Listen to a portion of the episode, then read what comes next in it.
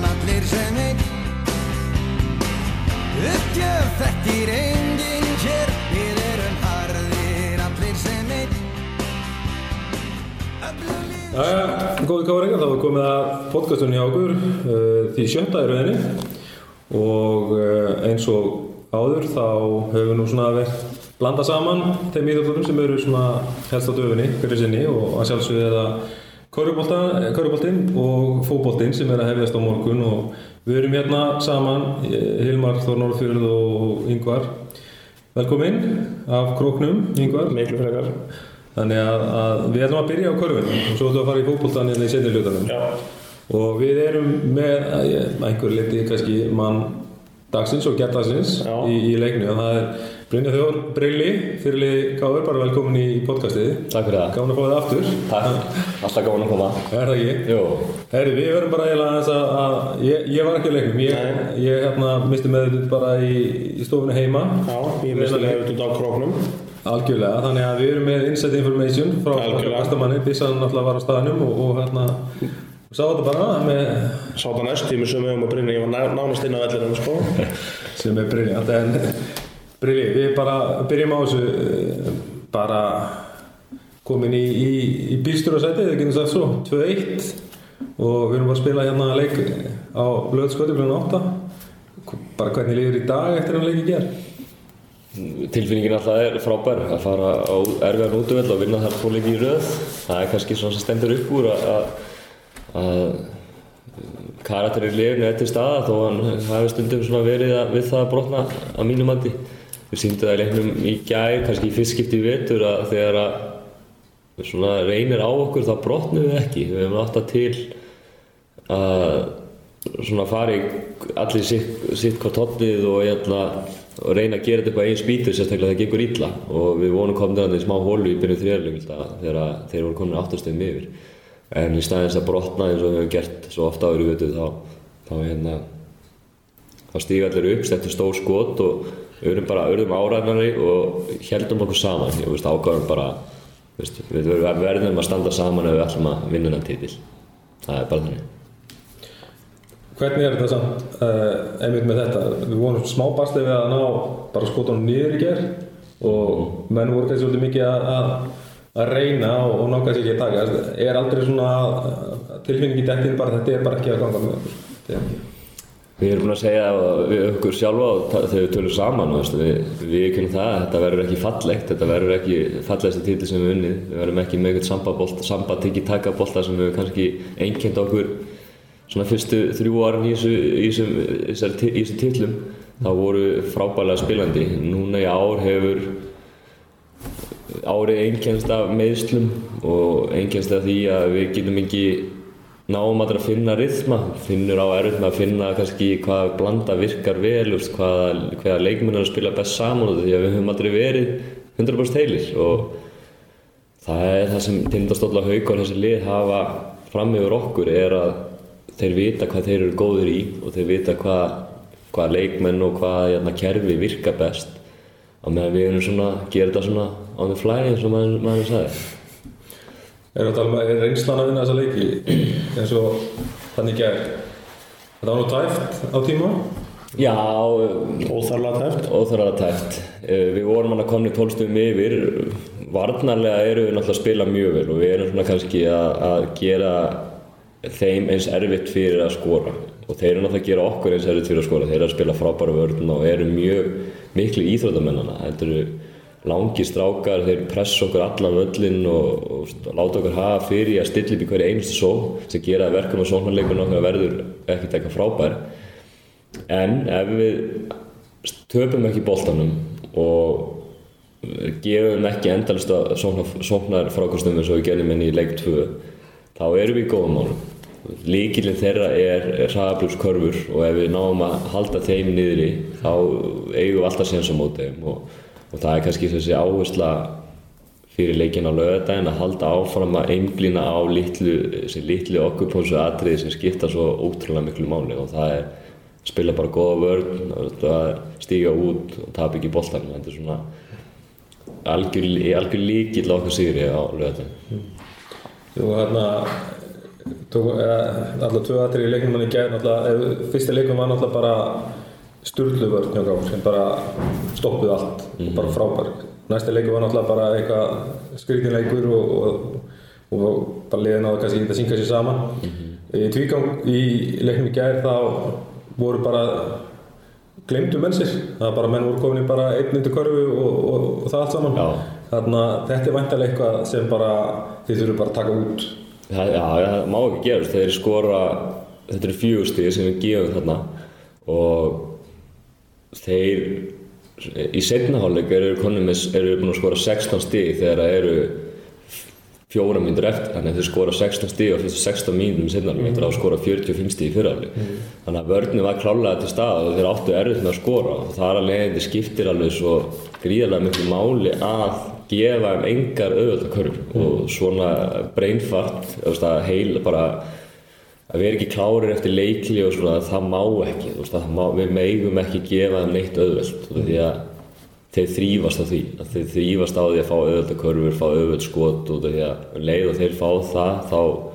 by- byggist um sjálfstrust og við erum þessi stráka að fara að hitta skotum sem er kannski hitt ekki vanalega sko. Svo kom hann að moment í gæri leiknum þar sem að hvað við erum 54-46 undir og við erum bara einu og hálfa mynd að ná því sko, þú veist, nýbúin að taka leikli þeir taka leikli, þú veist, það snýr að mínum að snýr það bara leiknum algjörlega okkur í hag sko Já. og hérna þú sér það, svolítið á leikunum fyrir sko 54-46 og svo fer það í 71-59 Mhm. þó sem maður, við erum bara að skora hérna 30-12, við erum bara að slátur þessu Já, já. þá var maður bara í hæfánum upp í stúku og ég og Böndi Forma vorum bara að hugsa um leikin á lögadaginn og vorum okkur fann að spá spekulera en, en hérna, því að hvað skemma það aðeins Já, en, en kannski þessi virði fyrir þig í lokin Jú, jú, þetta en, En það hefði líka getið klikkað Nei, þetta hefði aldrei getað klika Mér fannst það að jafn örögt og hjá JJ Sola hérna, maður, sko. lefti húk eiginlega örugan sko, já. vinstri handar En mér fannst sko, ég held sko fyrst að þú værir alveg í hóknun á vellinu og væri skjóta svona skáu yfir spjaldi frá mínu svona að leita hann út en það var svo hár og svona, ég held að vera vissi bara, hann er bara með sjálfströst, hann er að kenna körbátt á daginn, hann ætla bara að setja hann yfir skáu yfir spjaldi, en þú varst ekki alveg þar ekki alveg það sko en, en, en þú varstu örugur á þessu skotið eða? þegar þú Ég- tókst það, varstu bara þetta róni ég náttúrulega gerði mig grein fyrir við áttum náttúrulega ekki leikli að þeirra tvæsugur eftir og, og það var ofta erfitt að svona hvað þau að gera sko. þannig að ég eh, rétt áður annað þess að fyrir bara til Pavel bara Pavel ég ætla að fara mér á hendilina og veist, ég er með Pétur á mér bara að fá sem því það að þú fóðu gott skot Já, þú veist, þetta Og er svo skot sem dögum. ég kem á körfuna sko. og, og í staðin fyrir, þú veist, ef ég veit að þeir munu einblín á Jón, þeir munu einblín á mig ef ég ákveða að kem, koma á Já. skrínu þá er það frá að skipta og þá er þetta orðið eitthvað svona í staðin fyrir bara að opna mig taka eitt drip og, og fara í þetta skot og ég hugsaði, þetta var eitthvað skoti sem ég var búinn að vera var, var að hugsa því ég sagði, sagði við Pavel að ég fyndi mig á endurlinni, ég ætla og ég sagði við Jón líka, þú veist, ég fer í þetta og ætla bara að opna mig og, og Þú veist, eiga möguleika bara á að fá þokkaldi skot Já, sko. já, og sem betur fyrir tósta og, og ég þakka Pavel fyrir að hafa gefið á mig já. það hlusta á það einu sinni Já, En bjóstu við rétt áður, sem það er 26 sekundar eftir þegar þeir, þeir eru með boltan og þeir skora bara innan 20 sekundar í hóndinu. Já. Er þetta nákvæmlega sem liðir að fara að gera á þessu tímpúti? Eða helst þeir myndi spila eitthvað lengur, þeir myndi hugslum að brjóta? ég er virkilega hrifin að þessu playi sem þeir teiknu upp út af því að í staðan fyrir að fara að drippla og Já, reyna bara- gefur sér eitt skot í treyst- lokin já, eitthvað. og treysta á að búa til eitthvað skot þá bara búm, fyrsta skoti sem þú færð og það er ofta hamraði bara. að varnamæðin vill ekki brjóta, hann vill ekki hérna, vera á nálátt út af því að það gæti, eins og segir, brotið á hann þannig að þarna kemur hann bara í áreindar ótrúlega erfitt skot en hann kemur í einhverju flæði, hann hleypur inn í skoti fæ kraftunum löpunum og, og skoti leit ótrúlega vel út og bara stórkvæmstu skot hjá hann Já, algjör óþæri samt. Já, Og svo er þarna Pavel að dreifla hann um völlum, næstu bara að missa boltan núna, það er eitthvað 20, eða 16 sekundar eftir eða eitthvað. Þá sá maður alveg fyrir sér að fá þetta bara beint í grímuna tilbaka, Já. tróðsla og síkið í loft og eitthvað. já, Það var alveg Já, allavega hjarta það stoppaði bara hann það bara var svona eiginlega að missa hann og eins og við betur vorum minna í high-five-unum á þeim mómenti sko já þannig að hérna En planið var að koma hann til Jónsson í lokin og veist, hann náttúrulega veist, með fullur fyrir ykkur mér sko, þá er ég ekki bestur í að kannski búa með tíð skot eða Nei, nei, eitthvað svona, þannig að við eh, treystum náttúrulega á á okkar hérna, okkar helsta mann og geitina eins og hann er kallað Já, já. hérna, sem ber, hann, þeir voru alltaf sniður og bruta á honum bara Já. ja. tvær sekundur eftir og þeir líka, mér finnst þeir svo góði varnar svo, þú veist, þeir eru svo, það er svo mikil djöfurgangur í þeim þú veist, svo á einhver tímbúndi leikna það er að líta eftir þá eru komin tveir á Pavel þannig að það fái bara alls ekki boltan þú veist, þeir fórna því bara sér laus upp völlin þú veist, þeir eru hérna Þetta er líka villilega að gefa já, og þeir eru, Þannig að- þeir eru góðir í þessu sko. þeir eru alla leiki, alla fjóra leiki þá fóru við bara í, heyrðu, ok, við bara pikkaðu upp alla vörðin, láta og dræfa og við vorum kannski líka rægi við að sækja á þetta því að á móti svona vörðin á að vera hægt að fá leiði upp eins og Darri var að gera frábæra hann kom inn á og bara keira á þá, þú veist, ekki þú veist, eins og ég eða fleiri að sætta okkur við eitthvað, heldur bara sækja á körf og komast inn í, ef þú kennst inn í tegin og nærið að gefa hann út eða fá leiði því að þetta eru, sko- ef þú ert ímyndar að setja skjóta á æfingu, þá er þetta skotum gauðin stendur út í körfinu og gefur á því og þú fara beint í hendur algjörlega þessi skoti eru þeir bestu sem getur fengið sem leikmaður að, að einhver dræfar inn í gefur á því og fara hann bara beint á því og það eina sem þetta gera að fara beint upp í staðinn fyrir að einföld í þrótt, skilur eins og ég hef lært á körpjumannskinu brilla standa bara fyrir utan og býða eftir húnum ein, mjög einfalt, sko en hérna, já, því hættu þeim, sko, fannst mér í 70-59 þá fannst mér að hættu þeim bara að þessu dræfi, sko Já, það, það, þú veist, þá var svolítið svona býða þegar þetta ekki verið búið, sko Já. það var pínu óþægilegt, þá sem bara hérna, hvað káliði sem er svona þetta er svona hörkukáli sem að þekki, sko Já, það er kannski eins og segið, þreytan og, og vita Já. hvað virkar og, og tröstið og allt þetta sko, sem að, hérna, þetta er, þetta er alltaf erfitt, sérstaklega útivelli, það er annað kannski að vera á káður heimilinu og vera í yfir 70-59 með stuðningin og svona sækja, það er einhvern veginn, þetta skríti hvernig svona heimaöldur og útivelli virka, það er að, að, að, maður þóru oft meira á heimaöldu. já, En er ekki svolítið óþægilegt að spila líka gegn liði sem þið vitið að þú veist, það er svo margir sem get ekki þristað í síðan sko. Jó. að hérna, þú þarf svolítið að einhver, líka ákveða bara, þú veist, allar að fara út í þennan og ég að missa hann inn fyrir og svona Já. ég meina, þetta er svolítið svona pústuspil hvernig þú ætlar að spila vörk gegn svona liði en þeir eru ekki það bara að gera einar eklut þeir eru bara að henda eitthvað út og eitthvað tekur þrist og, og nú fengi nokkra þrista í grífuna og okkur svona til að Já. hérna að gera leikja óspennandi Það er líkilatriði sko það sem við erum svona verið að tala um er bara að hlaupa það af línunni sko að láta þá s- dræfa sérstaklega hérna, eh, ekki, sérstaklega leikmennar sem er ekki, heita ekki Pétur og, og Sýtugjóðnar sko að Axel, Viðar, allir þessi strákar að að þeir fá ekki þægilegt skot og hlaupir alveg að þeim og þeir þurfi að taka ákvörðun með að dræfa körfun og þá allt í hennu, herru, ég þarf að annarkvæmt fyrir leið upp, ég þarf að gefa hann eða gera eitthvað sko því að það er Sumur leikmennu finnst það ekki þægilegt að þurfa að taka ákvörðun sko. Nei, nei. það tókst frábælega í fyrsta leikna með mitt, þú veist, þeir skoraði hvað 50 okkur stig og frábælega í setnáleik gær, þú veist, þeir skora Já, fjóra já, já, tveggjastæðakvörður í einmitt, einmitt, setnáleik sem er náttúrulega bara frábært, þeir skora fjóra þryggjastæða í fjórðarleik það er eiginlega einu körnuna þeirra og þeir voru bara að klúðra nokkrum þristum hann að einhver fimm í röð eða eitthvað þannig að hérna um að gera láta halda hann að skjóta skilur og svo kemur Helgi Margins inn á náttúrulega sem við vitum að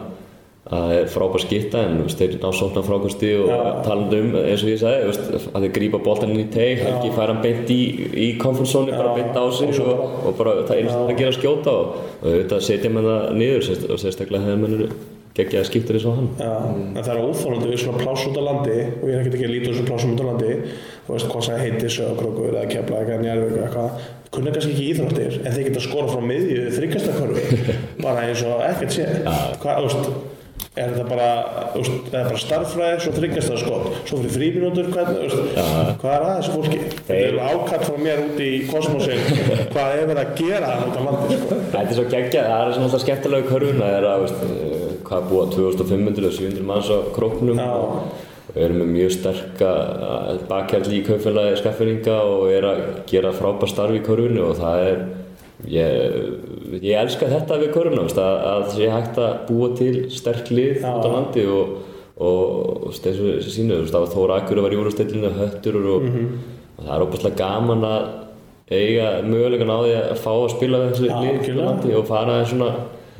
á, uh, hvað segir maður, svona hostæli hérna, þú veist, það er ótt já, já, Þetta eru svona, þú veist, þetta eru þeir finnst ekki leiðilegt að fara svona velli Nei, það er mjög gaman og sérstaklega í þessu úrslitunum þegar það eru miklar, hérna, mikil ástriða og mikil, Já. mikla tilfinningar að- að að fá lítjum stúku og fá einn fokkbuta í andlið sko. Það fyrir sem að það fylgir. Já, svo sem er líka svo gott að verða að sína aðtrykki eftir í gæri, það var einhvern að taka myndir og ég sá líka hvort það var svo stöðu sport, það var þarna einn ein kameran og sér maður það er bara hendur, einhverja tindastóðshendur sem sína að sé búið, þetta er búið, veist það er svo mikið, það er bara, þetta er löngabúið, þetta er löngabúið, veist það er svo mikið passjón sko, fólk er ekkert alveg drullu saman um þetta Nei, sem er jákvæmt að þetta á að vera svona og mér ást bara, þú veist þessi, ég- ég- nú er ég bara næstu í erallus og hérna, þetta var gæðvegt Já, en hvað- eitt er þannig lokinni á leiknum í gær þegar búið að klára þetta og, og dómarinn þurfa að fara að kíkja á þetta í, í sjónvarpu þið liggja eftir í gólfinu bara búin að fagna þessu leik en það var þetta nú leit nú þannig út að þetta hefði bara verið löguleg Já. karfa Hva- hvað hefði gerst ef að dómarinn hefði bara "Heyrðu, þetta var ekki karfa, það er bara uh, bara þannig framlýning þá hefði þetta verið uh, erfitt. Þeir náttúrulega, eh, þeir eru á renni þarna, í- komandi inn í þá hugsanlega framlengingu. Og þe- Það er alltaf þannig að liðið sem er einhvern veginn næsir inn í framlenginguna er oft svona bara ok, nú hérna kláruðu þetta skilur eins og við á móti haugunum minni leik 2, þú veist, fáum annað líf og við erum æstir í að sækja og búin að komast í einhvern gýr í einhvern sóknargýr sem við vorum alls ekki í á þessum tímapunkti og það munar dóttu um það og, og, en just, það er aldrei hægt að segja, veit ég, maður veit aldrei skilur við, Nei, þið hefði alls ekki nefndi nei, ég veit ekki Fínt að klára þetta Fínt að klára þetta Göngin að svona, sko. loka Já, göngin löng í loka Já. Þú veist, þú hefur farið heim klukkan 5 en ekki 3 Já, þannig að þetta er hérna það er, maður hugsa ekki þannig sko, ég mér leið vel og mér fannst já. skotið hafa verið- Mér fannst það að vera löngu, mér fannst það að vera sko. löngu komið ofan í hana ég var aldrei yfir sem Mér það fannst það að vera löngu búin að sleppa Mér fannst ekkert í tímanum, sko Ég fagnaði bara ólifin, mér held einhvern hættu Þetta er að skoða þetta Ég bara, mér er alveg sama Þetta fór onni Og við heldum bara áfram, sko Já, en þetta er alltaf leiðilega við þessum nútíma tækni að að þetta tekur alltaf þetta veist, í öllu, veist, í Taka mómentið af tekur móma ímyndað er ef maður setur sér gotn yfir maður sé það náttúrulega í NBA menn fagnar alveg geðið svo bara no basket ekki karfa bara hitlið í vann bara að Ah, en, en þú veist það er sem betur fyrir er tæknir til stað þetta því við viljum bara hafa þetta rétt Það er stóra aðurinn sér rétt, ég er sammála því, sko En ég- nú er, nú er þetta samt að henda þér ánum fyrir maður að tala kannski um leikinn á lögðin. Já. Ég verð að spyrja að því um að tala um tæknina. Uh, hvert er þitt álið sem leikmaður að því að, því að núna geta þið skoðað á uh, sjóasporinu, Mhm. þarna það sem er í gangi? Uh, í öðrum leik hluta hafa tekið inn hérna tvistur eða þristur og annar liður er 15 yfir Já. og þá er leikurinn stoppaður í þrjálíndur og meðan við erum aðtökum þegar stegu línuna. Já, já. Er, er þetta nauðsynlegt? það sem ég væri helst til að sjá að þetta væri bara tekið fyrir í leiklíði næsta leiklíði eftir Já, ekki að kannski stoppa ekki leik stoppa leikin þú veist, það er hérna Þá geta bara bætt úr í stí ef að... Já, og tekið það bara af og segja að þetta var bara ekki karfa skilur. og, og eins og ég gerði núna í leiknum í gær þá var Axel Kára sett hann hérna körfu Já. þeir dæmdi hana góða sko en Kitty, veistu, það var allir náttúrulega sem tók eftir í það var allir káa leikmið sem tók eftir í það var ekki gild sko, eða okkur ákvað matið var hann ekki gild og Kitty sem betur fyrir fóru og ákvaða að skoða þetta og Já, tíma og leikur búinn, tíma eða, og leikur veist, búinn sko þannig að ég, ég auðvitað vil maður hafa allt rétt sko og kannski tekur það eitthvað smá svona En þeir getur ekki Bara- dreifin niður dampin bara í leiknum, þú veist. Jú, en Kannski á ég þeim hef félögum ekki sem skiptir einhver máli. Já, já, já, en ég hef ekki lent í ennþá eitthvað svona að þetta sé jæna, virkilega drepa niður tempóið sko. og ég veit eins og í NBA þá eru reglur bara um að þú megi bara skoða þetta í síðan tvær mínunar Já. En þeir eru sko þarna leikinn, þú veist, það er bara, ef Já, það þetta er kannski, gerast. já, það er, það er eins og þessum með körfu, það er kannski átt að, kannski þarf að breyta reglum og segja bara, herru, við skoðum þetta bara í, í leikljum eða Það sko bara í hálfleik, eða þú veist, hálfleik, eitthvað, já. það þurfi ekki að stáða leikinn þarna eftir eða hálfleik. dómar gerir eitthvað svona merkið og bara verður farið í að skoða þetta Þannig að sé flæði í leiknum áfram Þú veist, það er En Það er kannski annað liðið bara, þú veist, svo ég sletti á eldi bara og, og þannig ertu kannski bara að taka streikja mína leikli til að það stoppa þetta sko. Þannig að maður var svona að hugsa þetta, þú veist, jú ég skil það þegar ég lítið eftir og þetta er bara make or break og þetta er þrýstjórn til bössur en kannski í mínu leik að annar liðið 15 stegum yfir og þetta er eitt stig til eða frá, ég er bara svona, ég veit það ekki en, En þetta er náttúrulega dilemman í öllu fótboltanum og öllu þessu sko Þetta er talsveit verra í fótballtanum sko, þar sem að menn er bara að láta hlaup út úr klefanum í hálfleik til að taka vítaspinnu eða eitthvað. Þetta er ofta að þróa sko, þetta er náttúrulega bara, veist, þarftur að þessu að vera að innlega þetta, veist, Algjörlega. tegur tíma og þetta er náttúrulega, þetta ver- gengur ekki bara eh, fullkomlega frá fyrstu sekundu, það þarf að prófa kerfið inn og það þarf að finna reglur og umgjöru í kringum þetta og, Mhm. og þetta er náttúrulega fánanstegi sem í fótboltanum að liðið hafi verið kallað út í hálfleik sem er náttúrulega styrla. Það er galið. Frekar heldur en að bara byrja leikið þá á vítaspilnu í hálfleik eða eitthvað sko. Já. það er Þannig að hérna, en þetta er eitthvað sem tæknin mun er að, bera- er að verður betri og betri og það mun hérna, koma að því, þú veist, þetta verður bara það verða bara einhverju dómar held ég einhverju stöðri í einhverju skrifstofu sem munu bara Algjörlega. hjálpa sjá þetta og geta hjálpa fyrirtæki eða hjálpa dómurum að taka ákvörðinu sko. algjörlega. Herru, það er lögadagur. Nú er þarna stutt í leik. Leikur fjögur, samt svona oddaleikur eða svona oddalegsfílingur yfir þessu. Já, já. Þetta er bara make or break. Byggar í húsi, ég meina byggar það verðinni í hérna, djóðallöllinni. Mm Mhm. -hmm. er það ekki óþægilegt, óþægileg pressaður leikmenn að vita á móna? Nei, ég minn, elska það alltaf þegar maður sé svona, sér hann annað, veist, það er góð tilfinning að, að, að hafa hann í húsinu og setja hann ekki um á heimavalli, það er svona kannski, en þó að hann sé saman, veist, það skiptir ekki máli það að hann sé að þetta er bara spurningum á okkur, hvernig hugafar, hvernig, hérna, hvernig hugafæri verður. Já, Alltaf leikur tvö var bara undir meðvendindin, það var svona að heyrir að hestur er ekki með og það er svona að síast inn eitthvað að- að- að hestur, já, ok, hann er ekki með, heru, já, heru, þetta verður bara létt í dag, sko. Já. Svo koma þeir bara spólgraðir og tilbúinir að berja okkur og taka öll svona frá okkur, veist, meðan við erum svona bara á hælunum að, Já. að býða eftir að þeir bara leggist niður í gólfið og, og, og láti raskillega sig, skiljur. það er ekki að gerast núna. Nei, ég held að uh, maður finnur að svona munin á leik 2 og 3 var bara, ok, mér, mér er svo slett saman hverjir er hann inn á þessu velli bara, við erum bara að mæta hana við ætlum að einbytta okkur á okkur og við ætlum að vinna hana leik og það er svona kannski nálgun sem við munum nálgast á lögadaginn við erum alveg saman hvaða leikmenn verða við ætlum bara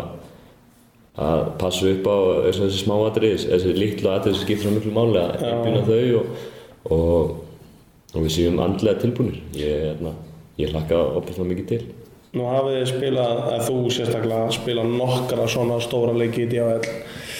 Eins leiðilt að getur verið að spila þú veist, í DHL-höllinni kannski í november, mándaskvöldi, móti hetti. Mm veist, Það eru 40 mann sem að horfa á Kristón Henningin svo tróðandi ykkur leiði upp, skilur Já, Þú veist, það er hundlegilegt, það er allir samanlega, það er skilur, það er ekkert geðveikt. Nei. En svo komum við í DHL eins og núna, það verður örugglega, ég ætla að tippa að verður svona 2000 og, ég veit ekki, svona 800 manns í húsinu. Þetta verður störtlað. Það verður verða 1170 manns í húsinu, þetta er... Já, 1170. Það verður 1170 pluss 2000 og eitthvað manns, þetta verður 3000 og eitthvað manns. Hérna, þú veist, ég veit út fjölskyldumæður og allt það og það er besta sem er komið fyrir þig. En er eitthvað betra en otta leikur eða fjórða leikur það sem er startfullt í og eitthvað og þú ert að hamra niður þristum og stemning og er eitthvað betri í heiminum? Nei, Banna að segja, já, satt. Það er leiðandi spil. nei, það það var mjög leiðan spurning. Náttúrulega þetta er ástæðan fyrir að maður er í íþróttum og sama þó maður sé sko uh, veist, þó ég væri kannski í Barcelona skilur eða veist, veist, í, í Golden State skilur þá er það, veist, þetta er svona káir heimilið og allt það þegar það er tróðfullt þá skiptir ekki mánu sem 20.000 manns, það er 20.000 manns skilur þetta er bara svo þröngt, það er svo mikið nála við stuðnismennina Passion. passion, veist, maður getur, veist, að geta að klappa mann á baki eða vilja stuðnismenninni sko og Og gera það, þeir sem vilja það, já, sko, það er já. bara. og gefa fæf og svona að nikka til fósan og Ég veit þekkir og, og, og það gefa henni náttúrulega óbúslega mikið og hitinn, þú veist, maður fer í uppbytun og þú veist, það er fólk mætt klukkutíma og kortið 20 minni fyrir leik og er bara horfa- leið yfir horfa- fólki fyrir að já, skilja. horfa á mann í uppbytun, þú veist, þetta er þetta er allt annað og, og þú veist, þessi tilfinning sem maður fæði kannski í de- janúar, februar bara, "Ó, hvað, ég ætla getur þetta verið leðilegt skilur Mhm. eða núna bara er einhver venjulegu leikur og ekkert undir eða eitthvað þannig þá, þá er maður náttúrulega í þessu fyrir þessa leiki og, og þá náttúrulega eh, skilur maður af hverju hvernig heilin virkar sko, veist, af hverju deildarleiki verða alltaf leiðilegur og leiðilegur þegar maður er búinn að spila þessa leiki svo oft þá er þetta svona, veist, maður er alltaf að leitast eftir þessum, þessari tilfinningu þessari spennu sem fylgir því að vera leiðin í tróðfulla D.O.L. eða löðsvöll eða hvað það er sko að þetta er kannski svona eins og ég veit ekki ástæðan fyrir, veist, ég, veist, að menn fara í eitthvað svona, veist, þetta er svona eins og bara röss fyrir líkamann og þegar þú ert búinn að upplæða einu sinni, Þá ertu þá vilt alltaf upplæða aftur og aftur en það er einhvern veginn, veist, þú upplæðar aldrei kannski í venjum leik og alltaf er bara, er þetta bara orðið svona, hvenær fæ ég þetta aftur, skilur, hvenær fæ ég þetta, þessa tilfinningu og, og er svona enn að hnúti í maðanum og þetta stress tilfinningu og svona sem lætur maður líka að spila oft miklu betur heldur en kannski maður gerir í, í venjulegu deltaleik því að það er bara holdt fyrir mann að upplega þetta stresstilfinningu og, og því miður svona eftir þessi líður á fyrirlinu þá, þá hérna, er alltaf minna um það þannig að En nú kemur það núna lögðan, Já, það er veist, stutt í það er þetta, bara, skilur veist, að maður, maður er spenntið núna skilur við, þannig að hérna, það er snildi við þessa leiki, veist, að fá að upplifa þetta og ég var, og ég var Darri vorum að taka þetta saman, þetta eru Við erum búin að spila núna hvað 33 held ég leiki í úrslitum skilur við. Já, já, já. Þannig að hérna, Einhver sagði að þú hefði spilað tíu úrslita leiki að þarna. já, já, já. Úrslit yfir rimur. Já, veist, alltaf bara á leikur til þess að vinna títilinn, það er byggamestrar og veist, ég Já, er alltaf búin að já, fara í Ég er búin að vera byggamestrar þrís og svona tapa þrís, þannig að sex úrslitleikir bygga sko, þannig að veist, þetta er alveg Þetta eru margi leikir sem er úrslitleikir og, og fyrir kannski venjulega mann, og veist, fyrir einhverja gauðra sem hafa aldrei fyrir úrslitleiki þá er alltaf þessi leikur alltaf geggjað spennt, geggjað spenningu en fyrir okkur kannski sem er að fara í þetta í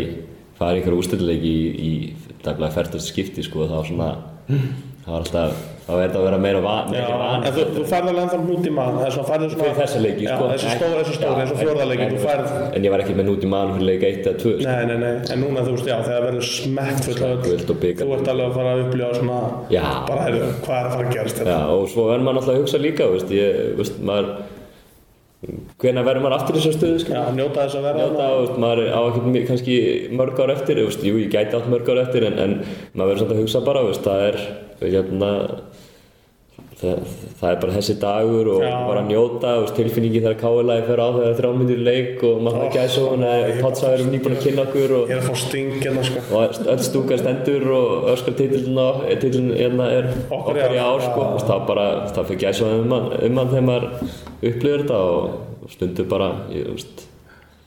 maður svona liggur við táraskilur bara af gleði að fá að upplifa þetta og, og, og svona að vera bara partur af káir fjölskyldinni skilur Já, við erum líka að semja lag svolítið upp í stúkunum um, um titil nr. 5 og svona, þessu sem að jinxa, en þá eh, þá er það uh, á lokastegum málsins, þannig að hérna, það var svona létt tjant, skiljið. Við vorum alltaf að syngja mikið fjórfaldi mestarinn í gerð, sko. Við þurfum augljóslega vonandi að breyta því. Þannig að hérna,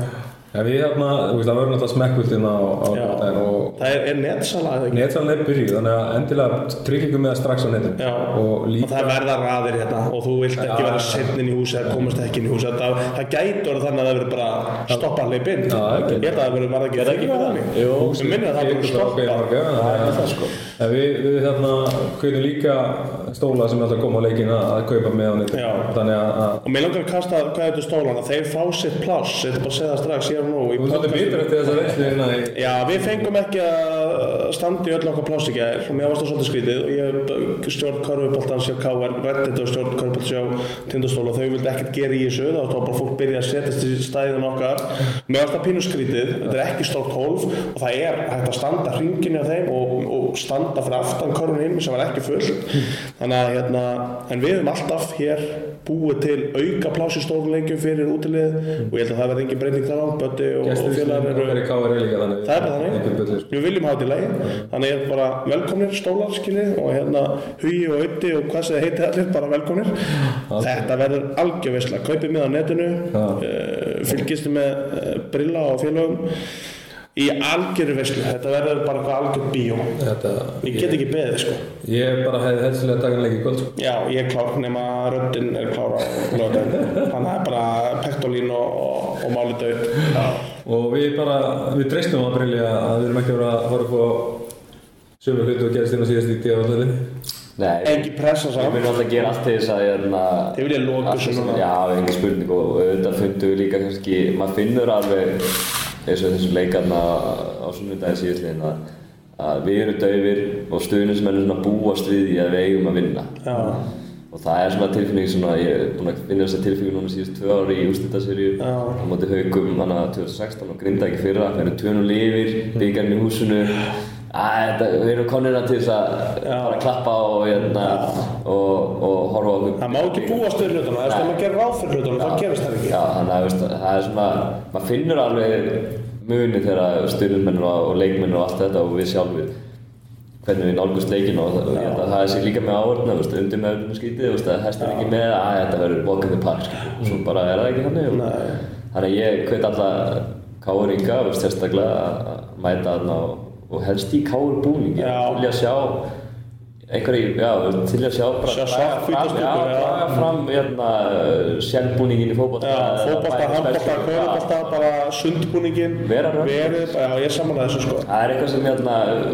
við mögum alveg taka upp Jafnvel líka úr búningin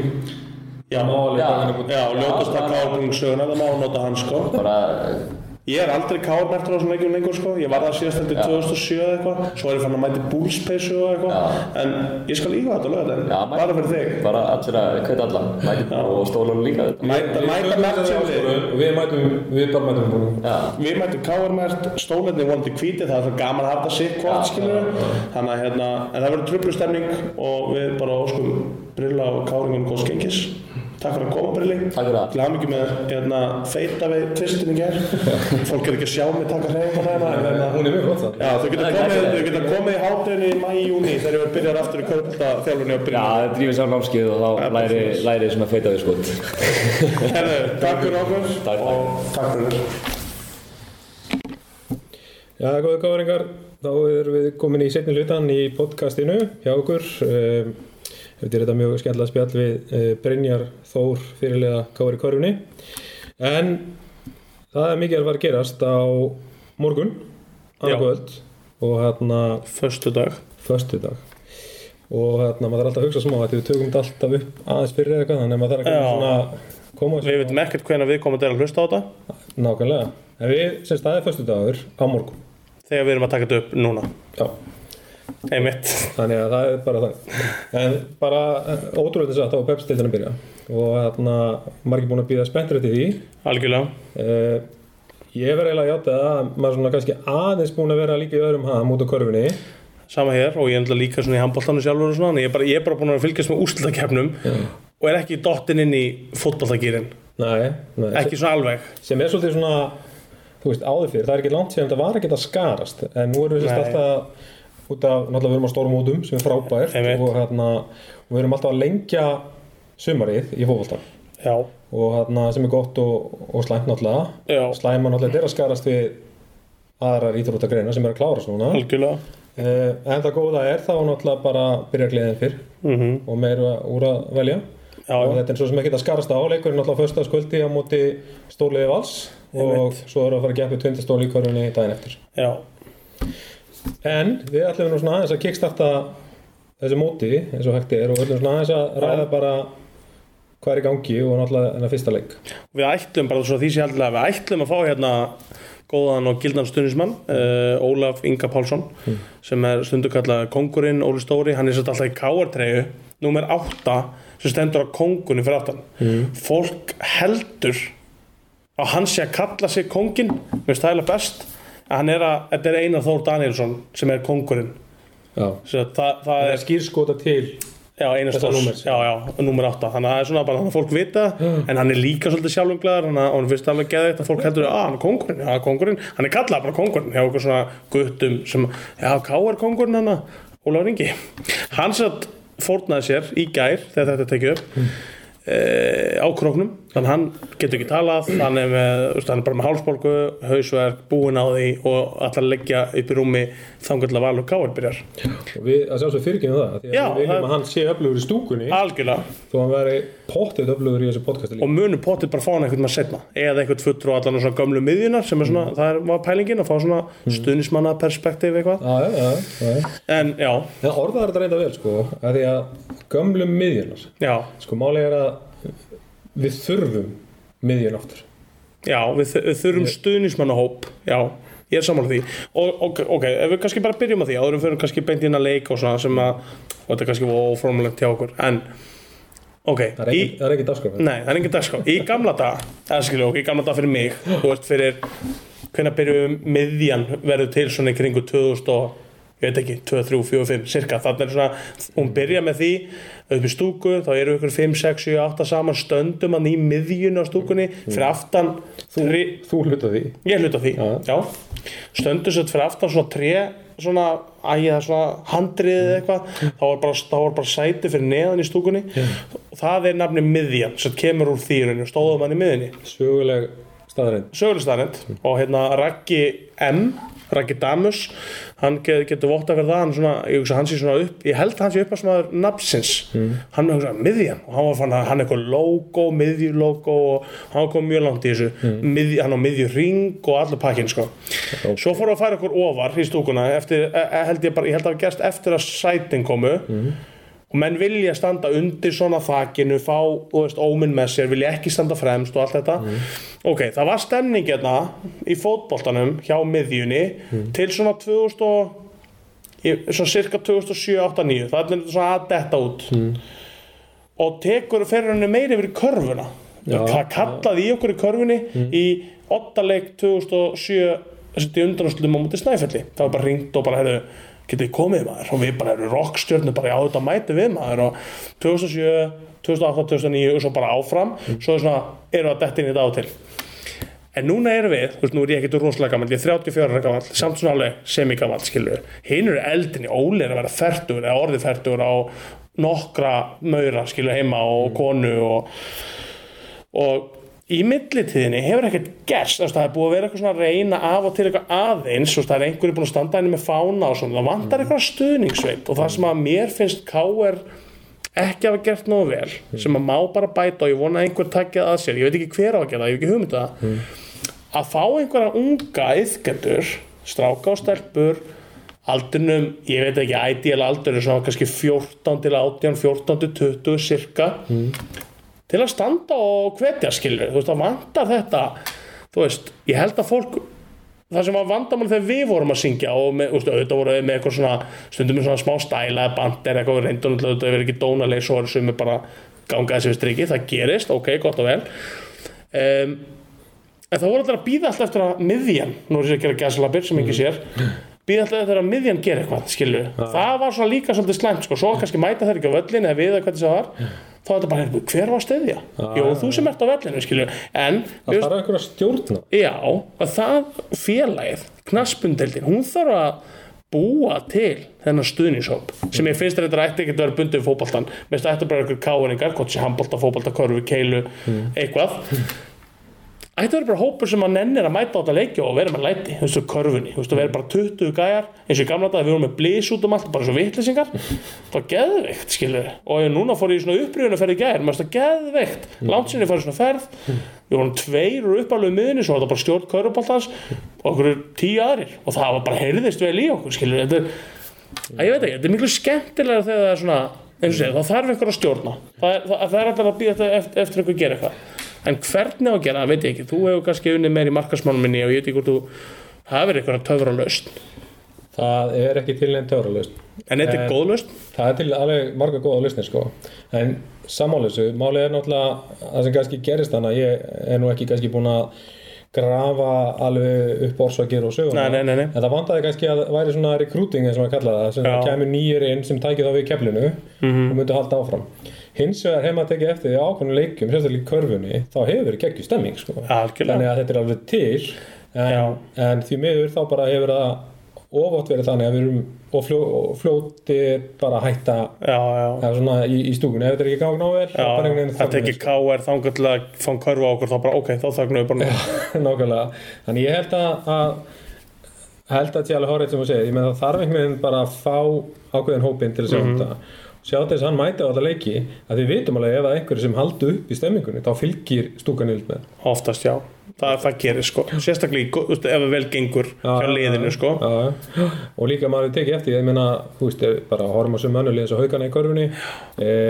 bara tindastóli í körfunni þetta eru bara með mjög flotta stöðnismannhópa Já. þannig að þetta er hægt Ír, mjög margir og hávarir og eitthvað skilur Já, já. stundum við strikið, gott og vel Já, já. en skilur, þetta eru flottir hópar Já, já. og þeir mæta bara alltaf Já, já. En ég meina við vitum líka náttúrulega að þetta er gert svo sem við erum liðum, við erum ekki fyrst að liða að lendi í þessari krísu innan gæsa alveg nei, sem við nei, erum núna, nei, nei, en þarna eins og bara effanganum með um mafíuna, já, já, rosalega öflug sveit, en síðan svona fór að fjara undan. algjörlega Hvað þeir líka var- eld, voru að eldast allir, skilur En svo kemur einn Copa Copana hérna hjá blikunum þannig að það er greinlegt svona þetta er einhvern veginn já, svona, hvernig getur maður orða það, þetta er svona kynnslóðabundið einhvern já, veginn já, en það þarf að halda við að það komi þá nýjir algjörlega inn í þetta og ég held að það sé bara mjög stórt verkefni hjá okkur bara sem KR að finna þessa sveit mm Mhm. -hmm. að við vitum alveg að það skiptir miklu máli að sé eitthvað í gangi algjörlega, þú veist og það er bara algjörlega og hérna eins og ég veit ekki alveg hvernig á að gera þetta en, en hvort það þurfi bara eitthvað að bjóða sér fram en sko, það sem ég upplýði líka í, í den að fólki fannst miðjan vera svona lokaður hópur að held það skilu, þetta var alltaf svona vina kjarni en það kom alltaf einn og einn hérna inn sem að þekkti ekki endla alla eða eitthvað og allir velkomni Já, e- auðvitað, og það var alltaf þannig en ég skil líka alveg fólk hafa halda við vorum hann efst upp eitthvað svona einhver vinahópur sem kom alltaf á sama tíma og eitthvað en þetta má ekki vera þannig, þetta á bara að vera þannig og jú, okay, kannski, kannski miður þetta eitthvað ákveðin stað þeir sem nenn að standa hér í þessu hólfi þeir syngja bara, eða skilur, þeir stjórna þú veist, og við kannski vorum líka einu af fyrstu sem vorum með svona söngkóp meira heldur en aðrir voru náttúrulega með hljóðfæri, trommur, sem alltaf bannar og káar öllunum, gott og öll sem er mjög skeggja persónulega og hérna um, já, ég þú veist, mi- ný miðja þyrft ekkert þú veist, hún þarf ekki endilega að vera eða, þú veist, miðja, bara samheiti við stundismannhóp mm Mhm. þarf ekki endilega að vera söngkópur per se eins og við vorum, skilur Mhm. gaman ef það er bara stuðnisveit, skilur, hvernig sé það að gera það, skilur, hvort það sé bara, þú veist, ég veit ekki ég veit ekki hvernig það gerði allt saman núna í dag þú veist, 2018, þú veist, ég var nú gammal kall en hérna, en mér lang þú veist, það, já, það er svo miklu skemmtilega að mæta það er eitthvað stemning, sko Ég er samanlega þessu og ég náttúrulega, ég ken nú líka innan úr svona landslýsdæminu já, og persónulega finnst mér bara muna svo miklu eins og með tólfuna þegar við erum að heyra söngva líka Mhm. versus bara kannski áfram Ísland já, Þannig að- það er, það er skemmtilega það er skemmtilega þegar svona, þú nærð allavega að búa til einhvers konar texta sem það er þú vers og syngur. viðlag, skilur Já, ég nokkuð Eða þú veist þannig. Já, og ég menna þetta var nú alveg mann man eftir að syngjum móða og þetta á við sínum vorum tíma. með lög, þetta er örugglega- það er örugglega 50-60 lög til hérna, skilur mm. miðjulög, Ég held að það þurfi bara að henda bara í góðan vinnuhóp sem að tekja svona hérna, stjórnmálun á þetta og bara koma þessu í gang bara, það verður geggjað þú veist, en ég, og ég er fullið sem að það er alveg hópur þarna úti sem getist Já. þessi frábælega í þessu Já, ég, og ég heldur enda líka að það sé hópur sem er til en veit kannski ekki alveg hvernig hann á að bera sig að mm. Eski, það er pottið einhvern úti sem er vonandi að hlusta á þetta einhvern tímann og hugsaðar, já ok, þetta var hægt það var hægt að vera með miðinni eða get ég bara komið og verið sjálfur með læti eða eða skilu, get ég bara sungið með vinnum minnum í semitakt og við bara höfum gaman þú veist. það þarf ekki að vera flókið skilur áhelst ekki að flóki Nei, þú veist, en þetta er bara já, að- þetta vantar og þú veist, það er leiðilegt fyrir okkur hér K.R. að eiga ekki stuðnisveit svona Já. fasta skilur Já, sérstaklega leiðilegt þú veist þegar við erum að fá kannski önnum fjölu í heimsókn sem eru öll sem eru bara yfir syngjokkur Já. í stúkunni Já. Þannig ég held að þetta sé nú svona eitt af stórum málanum sem við þurfum að tækla uh, bara sem fyrst og það er einmitt að fá öflugastunni sveit og bara við hvetjum alla sem hafa áhuga bara að gefa sér fram algjörlega við, já. hringjan í káir og Já. bara heyra og við hérna bara við þá sem káir já, já, K.R. bara já. sem káir þá verðum við alltaf bara leiðbina en bara með þetta og, og við munum að sjálfsög fagna bara öllu frumkvæði algjörlega, og hjálpa öllum að, að koma þessu á laginnar ég meina ekki, já, algjörlega við höfum fengið eitthvað að plata í velun fyrir sko, bestu stuðnismæðsveitunar Mm. ég hef eitthvað að plata heima frá körfun og fótboltanum ég veit ekki hvað og hvað, þú veist eh, fyrir þetta þú veist, að, að hérna, vera stiðið upp í stúku þú veist, þetta er, Við bara eigum að fá fleiri plata já Við þurfum plata þurfum fleiri plata og viljum fleiri plata og hérna alveg svo hérna alveg svo sjoppanina á Hofsallagötu Já. var alltaf með svo marga plata og seldi svo marga Ég lottovinninga man eftir því já, með sérstaklega marga hérna ekki bara gerflaða Gerfla já, einmitt, þannig að Það það er að hafa það söguleg starrend er hérna það og myndbandalega við liðina einmitt, passar, já, já, já, algjörlega Þannig að við viljum bara fá sem flesta og, og við eh, ætlum satt að vera raun særa því leitu til að þetta tekur smá tíma eh, Við erum reyðbúin að þetta taki einhvern smá tíma en við þurfum bara að kera þetta í gang algjörlega og fá fólk í þetta Já, bara, þú veist, bara, þú veist, látið þið vita, þú veist, þú mætið, þú veist, þú verið bara sínleg, mætið í KR-dressi, mm. Hmm.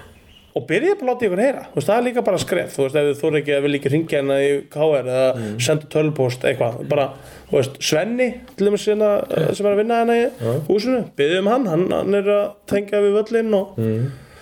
sveinbjörn.kr.is, Hmm. Sveinbjörn KR, eitthvað, já, já. já, bara eitthvað, Þannig já, bara algjörlega ég, og svo náttúrulega hitt líka að ef að einhverju hrættur við að hafa þetta óformlegt þá er ekkert sem banna fólki að, að styðja vel úr stúkunni bara yfir um höfuð, Nei, algjörlega og þú veist, þetta, þetta má ekki vera hérna, vera að að káröldum sér sem í dauður svona stúkulega, skilur, þetta er hérna það er ótrúlega leiðilegt einmitt. það er svipustemning fótballtalega og körfulega þegar að, þú veist, það, það byrjar einhver káir, það er einhver svona old school káir einhver sem byrjar eitthvað og það, það er svona fjö, fjögur, það er svona káir, káir, káir, káir og svo bara, heyrðu, hvað er ekki að stýttast í hálfleika, þú veist, það er bara þú veist, það vantar að halda þessu áfram, skilju þú veist, þetta er þraut, segja, þetta er, að- þetta er smá vesen skilju, og já. verður rallaus og eitthvað svona, þetta er bara, þú veist Þetta var óslega gaman sko. taktu þátt í þessu maður, hjálpa liðinu liður verður sáttara, þú veist, allir sáttir fá meira umfjöllun, Norski byrjóstrópar eftir leik einmitt þetta er ekki Og flókið, málið er dautt. já, ég er að taka eitthvað ben, Benilan, eh, Benalín Já, ben, já, það er ekki að hann koma er svo Pektolín það er bara að Pektolín er hægt sko það er gott fyrir hálsinn sko Gott þannig fyrir að hálsinn. hérna, Benilan það er ódýrt út í eitthvað, Livju eða eitthvað Já, ok, gott fyrir hálsinn og skapið já, algjörlega, gott að bræða líka en hérna,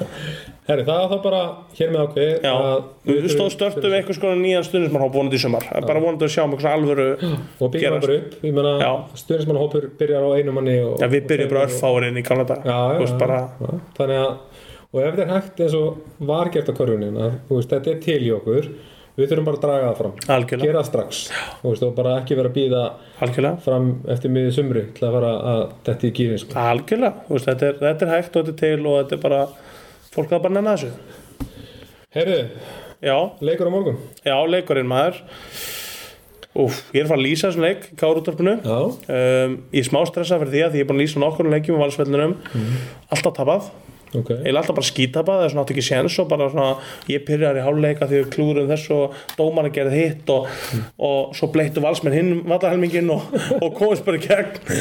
og hérna, já, vonda minningar sko e, Mér langar að breyta því á morgun annarkvöld um, En- Geggjað völlur geggjaði völlur, en við vitum samt að þetta verður þrautin þingri Sko, já, eina sem að hjálpar okkur núna samt, mjög mikið, ok, ok, káalið, ég er ekki búin að sjá, ég er búin að sjá eitthvað svona örlítið brotaðan spila, ég er bara búin að heyra frá mönnum sem að fara mikið á völlin, sé ykkur úslit og eitthvað svona, menn segja þetta sé búin tildulega flatt, hópun er tildulega flattur, eða svona vantar kannski smá bit í hann, Kenny Choppart eitthvað tæpur, það er, það er eitthvað svona meðsli, það er ekki allir klárir, en valsliðið, ok, voru besta lið fyrra og eru líklega best mannalið núna ég held að sjá þetta saman um það það tala við einhverjum einasta þætti núna og öllu allir umfjöllun getur F á staðið í þeim mm. veist, ég veit ekki hvernig öll þessi pressa fer í val ég, þú veist, þeir hafa ekki í mörg ára að sem ég mann eftir mér hafa þeir aldrei verið svona pressa á sér nú eiga þeir bara með besta lið þeir eru að vinna alla leiki þú veist, það er talað um að þeir sé að slátra sér deilt það tala um að þeir geti stó- st- st- sett upp tvö lið að berjast með Europasæti, mikla ríkur þess, þetta segja þér þú veist, hvernig handla þeir þetta skilur við, koma þeir bara á morgun mæta liðið sem er spáð 4-5 sæti KR og alltaf bara að slátra KR þú veist, að þeir bara halda að gerast með vinstri ég, ég, já, ég held að hendi var miklu betur að vera þetta lið spáð 3, 4, 5 þá eru þeir góðir þeir eru að fá núna svolítið KR pressa á sig já, já, já, já. Þú veist, þessi, það er svona hjálpar okkur allavega þú veist, þeir eru alltaf með fáranlega stakka leikmann ótrúlega gott lið. við getum ekki hérna, neitt gert lítið úr því Nei, ég er að segja, algjörlega þannig að hérna en ég, ég samanlega svo líka þessu vittar sem að kannski heyrt við Óla Jó og Mhm. svona að menn eru einhvern veginn að svona tala niður væntingar Já, sem er svona ég, og mér, já, þetta er sálfræði sko og Já, hérna, mikill óli mikill Óli og maður tók eftir einmitt í, í Pepsi mörkunni að vera að tala um hann einhvern veginn bara saði ekki neitt sko að núna Einmitt. greinilega ætla hann bara að taka allt hérna, eh, svona alla pressu af af hérna að liðinu Algjörlega. og Haugubátt sagði nú bara í vitali núna í vikunni að, að hann vissi af þessari hættu að fara í einhver eh, sem í einhver værugerð inn í leiki Mm. -hmm. Mhm. og, og hérna, það er eitthvað svona fyrsta sem Valur væri að hugsa að, að þeir væri ekkit að fara að taka þess að deildi eitthvað bara í, í Nei, nei. með vinstri það er bara ekki hægt það er bara ekki hægt í dag saman hvað liðutni í höndunum, já, já, já, ég held að þú veist, já, já. Og Ég meðan svo líka hitti þessar umræði nú ertu með frábæra leikmann og þú ert kannski með nánast eh, já, þessi ekki, tvö, tvo menn í, í stöðu einn og hálfan í einn og halvöfst í já, hverju stöðu nú voru að halda öllum góðum já, einmitt Mhm. hverju fá að spila, hvernig ætlar að sitja þetta upp mm -hmm. reyndar einnáttúrulega Óli og meistari í kannski þessu dæmi hann hefur halda verið öllum já, góðum já, en, en allar já, Mm. svona út af við hefur maður haldið en svo veit maður ekki alveg kannski hvernig það er inn í hópnum nei, nei, Skilurðu? nei, nei, nei. En ég held að þetta snúið stoltið mikið um það og ég held að jú, jú, ég menn með frábæran hóp og það allt saman en, en svo snýst þetta alltaf svolítið mikið um hvernig þú byrjar þetta mót og ef þú byrjar vel þá náttúrulega bara ertu í- komin í tillabartu líka við í þriðjöfur mm -hmm. ef þú byrjar illa bara eins og við höfum lendi í káringar tapa fyrstu tveimur eða þreimur Búa til einhverju þá erum við krísu allir kannski. fannir bara að elta þannig að ég, þetta snýst rosalega mikið held ég um bara hvernig við komum út í vorið sko Já, já, já, ég meina þú veist, en ég held að sé hvergi betri staðið fyrir okkur KR að byrja þessa, þessa, þessa, þessa baráttu, Evrópusættis baráttu sem er svona ofnberlega markmið rúnas en, þú veist, ég held nú að KR ekki allir bara stefna þess hátt og við mögulega geta, það er bara titill Ég finnst gott að byrja á valsvöllum þú veist það sem að eins og ég, press, ef það verður engin pressa á val þá var þetta vond sko en núna það er ógistum ekki pressa á val ég held að KR geti nýtt sér það ég er bara og ég held að hópurum minni gera og ég hérna st- ef þetta verður leikur og við töpum ég held að verði engin eitthvað brjálaður skilur og ef við vinnum þá erum bara heyrðu við unnum bara besta lið landsins sko, sko, bara, við erum kannski bara ágættir og þá fara kannski okkar menn hinnum með við lækin bara í smá panik sko já, já, já, gæti ég alveg trúa sko. þannig að hérna þú veist ég veit ekki, kannski lokar annari flugbraut ég veit ekki hvernig er þetta að takla þetta en hérna, já. ég, ég samans, ég held að þetta verði einmitt þetta að sama einhvern veginn hvað gerist við munum aldrei að dæmdir af þessum leik alls ekki Ég- þess að það er svo gott að byrja bara svona þetta er pressulust verkefni þannig þú veist, en auðvitað er alltaf káir valur já, já, þú veist Eh, og þeir á sínu gerur kannski segja þeir eru bara búin að æfa og aðfangadag og bara grænjur hlátri og, og veist, við fáum engan æfingatíma og eitthvað þú veist, og við erum hérna með hvítan dúk við erum hvítan dúbið vellinu sem horfum hérna við við erum þér að hitta já, að við spilum fyrsta heimileikinina á móti stjórnunni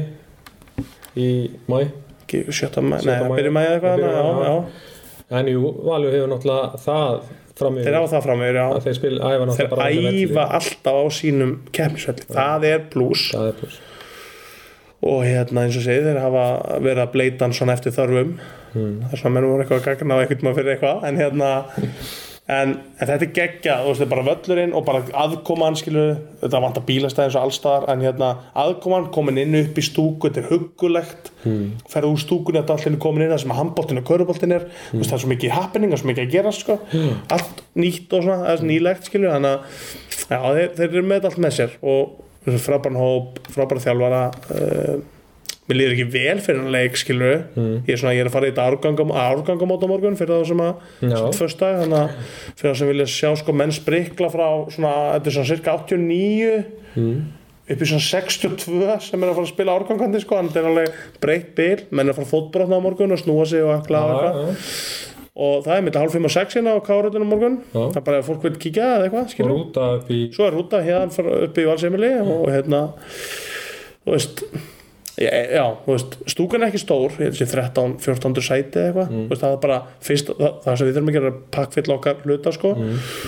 og hérna ég veit ekki, já, þú veist ég vona að þetta byrji þannig bæði liðið Mm. að þeir komið smá beittir þú veist, að þeir séu bara herðu þessi þróta æfingarleikir, nú erum við bara klárir í þetta Mm. og einmitt, þú veist þó að sé ekki stuðnismannsveit klár að fólk mæti til að styðja liðið skilur við. fólk er ekki mæti til að horfa á að þetta er liðið sem áttu að vera fjóra að fynda við erum alltaf káir, Já, já. mér er alveg saman hvað sæti okkur spáð skilur við. þannig að, Við, við spáum okkur í eftirsæti alltaf sko. já, já, bara- algjörlega Ég er auðvitað að sitja á pressu bara á mig sjálfan sem káring. Ég er bara að horfa á fyrstsæti. algjörlega, Ak akkurat er að horfa okkur annað skilur við. Ég minnst þú ert ekki að styðja þetta annað liðið en káir sko. Mér myndi finnast það bara sko. kjánlegt. Já, þannig að hérna auðvitað gerum við kröfur og hérna stundum er það bara óraunhefar, það er það bara þannig um, Já, ég hérna en ég er bara, já, eins og ég, mér líður ekkert ógust vel fyrir leikin, ég er svona spenntur að sjá bara hvernig það verður ég er ógust spenntur að sjá bara hvernig það byrjar og eins og ykkur sagði um daginn ég held að þið hefur sagt hann í Pepsi uppbytun af þættinum að hérna hérna uh, voru að tala um þessa stemningu að taka félagsin á völlin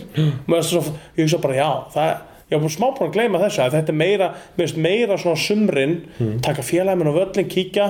mér finnst það meira heldur en að því nú fer ég á marga handbólt og körubóttalegi þetta er meira svona að ég veit ekki, svona situr í mann eitthvað gera heila kvöldstund úr einhvern fótballtaleg heldur en innileikjónum skilum mm. svona, þetta er eitthvað svo fallegt við þetta mm. veist, misjæft grasið smá óþægilegt viður að byrjaði vel fúst ekki úlp á völlin svo er það ískalt í lokin eitthvað svona ferð þá í bíltúr og kaupir í ískilur ekki hér í Vesturbanna, það er alltaf röð ferð eitthvað annað skilur ísbú Vesturbanna í hafnum fyrir það eitthvað en hérna, að ég veit ekki, það er, það er eitthvað fallegt við þessi kvöld Já. Þú veist, út af, út af völl kvöld Og líka náttúrulega, mér finnst þetta persónulega svona skemmtlegt að leikurinn á fyrstæðinu er klukkan 8. Geðveikt og leikur lögudaginn er klukkan átta líka Mhm. þetta, er, þetta er bara svona þetta verður aðeins öðru systemi Já, og mér finnst að ég gera miklu meira af þessu Föstas og lögutasleikir, klukkan 8 alveg, sérstaklega föstasleikir, mér finnst það geggjað Já. Ég held að þessi verði ekkit endrast á svona leikjum Nei, nei. En mér finnst það geggjuð pæling já, já, Og byrja á risaleik, og er þetta ekki bara stærsti Í langan tíma allan heldur þetta stærsti opnuleikur KR Í mörg ára sem mann eftir já ég, Kannski er ég að eh, fara með Nei, fleikunum ja, þú, ég, þú ert allavega á réttir leið sko. ég man allavega eftir einum leik sem var hérna hvort að hérna, þegar landsbókadeildin var hitt að þá hafi opnum leikurinn eftir að FH vann mistara KRFH KRFH í Já, ég man eftir þetta honum, ég man ekki nákvæmlega hvað ára en ég man eftir þessu leik að það var svona 2008 Já, það getur verið, já, það er langt síðan, skilur Það er langt síðan, það er svona senast sem maður mann eftir svona Já. að það er svona reysaleikur en alltaf, en samt þú veist, Valur Káir er alltaf reysaleikur, það er bara saman hvernig já, lítið já, þetta hefði viljað hafa þetta K.R. Valur sem fyrsta leik en það er kannski ekki bóðlegt hérna á hvíta dómnum Já, ég, ég veit ekki alveg með hvað þið getur spilað á þessum Nei, líklega ekki En Við getum alltaf að huga okkur það, við, við byrjum all, alla leikin við góðar aðstæður upp á grasakera, tráttur allt 100% já, Það er alltaf ekki, ekki neitt sem við getum kvartaði við þar nei og bæði liðin myndu bara spila saman grasi þó að kannski valsmenn hafi yfir höndinu varandi að hafa ættar meira en Algjörlega, við. algjörlega en, en, en ég held að, að flestir hafa nú spilað það marga leiki á, á gerðugrasi að Já, ég held að Ég held að þetta sé orðið svona komið í vana bara Já, Ég held að, þarna, ég, ég flett upp tölfræði á VKSI og, og Já. gaman að því að þarna, þessi fítið sem er núna komið sem er reynda var en er mun aðgengileg núna er svona head to head eða innbyrðis Já, viðaregnir já. sem við köllum. og þarna eh, við náttúrulega erum sem sagt þarna með vinningin head to head bara over all Já, allavega ég bara fór hérna í 1800, 1898 Ok, til hérna og upp úr bara Borgbúr og að- að- öll mót og allalegi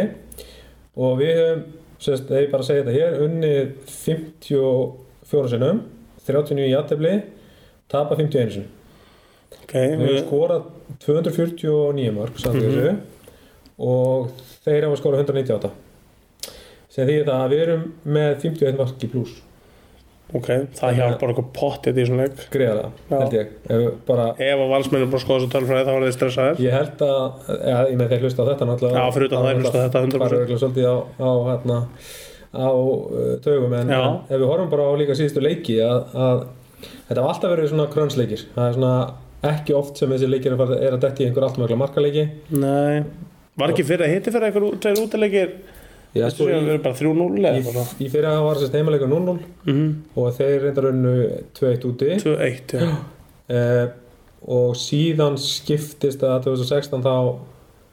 var nú alveg 2-0 heima og við unum 2-1 hérna hjá okkur já, ok þannig að þessi leikir hafa nú yfirleitt verið Já, nokkuð spennandi þetta já. hefur nú yfirleitt ekki verið Í minningunum fannst mér bara sem við varum að tapa 3-0 Það er bara kannski að tapa og þá var ég bara brjálaður Og ég ég bara held það sko að- bjó bara til innum en við hefum bara skítapað ég, ég held það En svona allavega Já, ég, við trúum kási, við trúum þessu Já, þannig að þarna þessi, það er alltaf svona eitthvað sem, sem hjálpar okkur já, já, í, já í, í sögunni að við höfum alltaf ekki verið að lenda í einhverju bölvuðu bastli Nei, nei og þú veist, já Og sko, og þú veist, af því þetta er náttúrulega svona rævals Ég minna valur, er náttúrulega valur káar er alveg svona alvöru debatt, leikur um, Hérna Ég vona að gæðarna sem er ekki káaringar í liðinu Fatti skilur nú er ég ekki að tala um að þetta sé eitthvað stríð eða eitthvað skilur ég vona að ég fatti pælinguna Káur vs. Valur mm. þú veist, að þetta sé ekki bara fótballtilegur, þá skiptur okkur máli hvernig fer á móti val alltaf það er bara mikilvægt heldur en hvernig fer á móti breyðablik svona ég er bara í fyrir hjarta þá gera það það, já, já, fyrir mig allan þú veist, ég er bara, ég held þú tali bara fyrir flesta kára já, ég vona að menn sé á þessari bylgjulengd, Já, þetta eru, þetta eru stærri leikir en, en flestir flesti leikir já, þannig að, og líka bara svona í gegnum söguna já, þá, þú veist, FH kemur bara inn í söguna miklu setna já í svona síðustu 15 ára hafa F-leikinni Já, verið FA stærstu leikinni já. skilur það er bara því þeir eru búin að vera góðir í mjög góðir í 15 ára skilur 15 ára, já. besta, besta lög Íslandi kannski síðustu 15 ef allt er talið með já, en í sögulegu samengi myndi ég segja að svona K.R. Valur séu svona stærstu viðregnum já og KRI er kannski svona líka en svona, Já, já. að svona, ég veit ekki alveg að hluta til, að hluta til, já, en KR Valur er svona, já, ég ætla samt að henda alveg K.R. Val bara sem fyrst já, þetta er Kría, maður veit, ég vil að, já, þú veist, málið er það það sem ég, eins og ég seti upp það er verst að tapa mútið val af þessum liðum það verður allir svo leiðilegir í kringum mig sem að, þú veist, ég á frændur og okkur vini og okkur æskufjöla eitthvað svona sem er valsar þeir verða óþólandi skagamenn eru svona, hm, æ, þú veist, þeir eru svona krútlegir og Já, já, þægilegir já. F-fanginu verður svona smá leiðilegir, þeir eru svona mm, svolítið vanið að vinna, valsandi verða svona eins og liðbúlgæðarnir sem unnu Róma, skilur verða alveg svona, óh Já, nú er ég að móðka ykkur liðbúlgæðan úti en hérna, það er bara að verða þannig en, en þetta er skilur típuna Ja, Þetta er alveg rétt og þetta er Já. líka einmitt samanlega þessu að ég held að bara séu kannski aðeins öðru sér virðing milli Káur og Ía Já. og F-fangarlega þeir komið svo seint inn í þetta Einmitt, að þeir einmitt. bara svona já, ok, Já, þeim- já, einmitt, þeir Við fatta höfum kannski ekki ekki efna á því að vera þú veist, Já. við höfum ekki það langar sögur Nei, að, þeir fatt ekki alveg það er kannski ekki alveg hennar rík en ég, ég er samanlega þetta, þetta eru mikil, gríðarlega mikilvæg leikir og byrja á þessum leik en alltaf líka frábært fyrir okkur Káringa að líka bara máta okkur við þetta lið bara sjá samanlega bara hvað stöndum við gegn Já. besta liðinu, þú veist, Já, já. best mannaða liðinu Já, já. Erum við, þú veist, erum við basically bara að fara að horfa á eða erum við Já. að, að fara að gera eitthvað? Og ég meina, ég hef ekki að allir leggja sér 100% í hennar leik. Algjörlega. En, en hins vegar náttúrulega veitum við líka að, að þetta verður bara rosalega barátt að þessum leik, sko. Já, algjörlega, algjörlega og hérna, já ég er samanlega sem er mátunna, ég er hérna að því að þú veist, oftast er líka káar bara það lið sem að erum mitt verið að máta sig við sko, bara ef þið getur unni káar í byrju þá getur unni alla, Já. nú erum við bara akkur döfur í stöðu svolítið,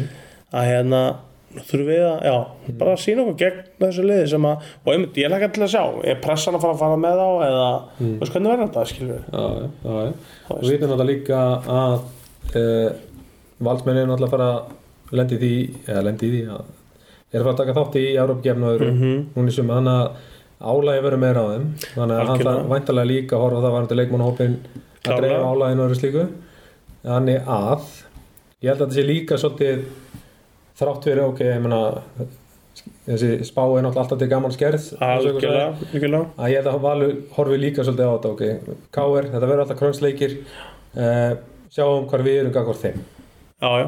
alveg klálega, já, ég meina, þú veist, algjörlega og Valur á aftur að sanna sinni móti, skilvi, ég meina, þú veist, þeir fá ekki bara titlinn strax, þú veist, það þarf að spila þessar 22 leiki, þetta er ekki flóknar það og hérna, já, ég meina, blessunlega, segi ég eh, og meina það ekki, það eru við lausið verðbyggjöfni í, í sumar, en já, það mun reyna allir mynd á Val að það nú er bara, það verðist vera pressa á svona íslensku fótboltasamfélagi að þeir ná langt í Európu, þú veist, það, er- þeir eru svona F-áliði í ár sem á að fara eitthvað langt, sko já, já, já. og þeir eru með þennan breið hóp vantar til að svara þeirri þörf að hérna vera með hennan, já, ég hugsa að sé með svona 15-16 manna góðan kjarna svona ef maður lítur á hópin varðið nöfnin þá er það svona 15-16 cirka leikmenn sem að kæmust í flest byrnalið langt flestir og með, með landslismann og allt þetta skilur bara Mm. Birki og svona þannig að hérna, já, úst, en, en það verður klárlega fróðlegt að sjá hvernig Óli mun Þú veist, hvern- hvernig ætlar hann að þú veist, er hann að fá leikmann X hérna til að spila bara í Európukefni skilur er hann að komin í Európukefni og byggar ætlar hann bara að róta öllum alltaf þú veist, Mm. það, það, það verður alveg, það er kunst að halda öllum góðum í svo stórlið já, já, og ég veist að verða einhver fútla á einhverjum tímpúnt einhver starf já, já, ég meina fyrir mánu fyrirvera en ég meina samt getur ólætt að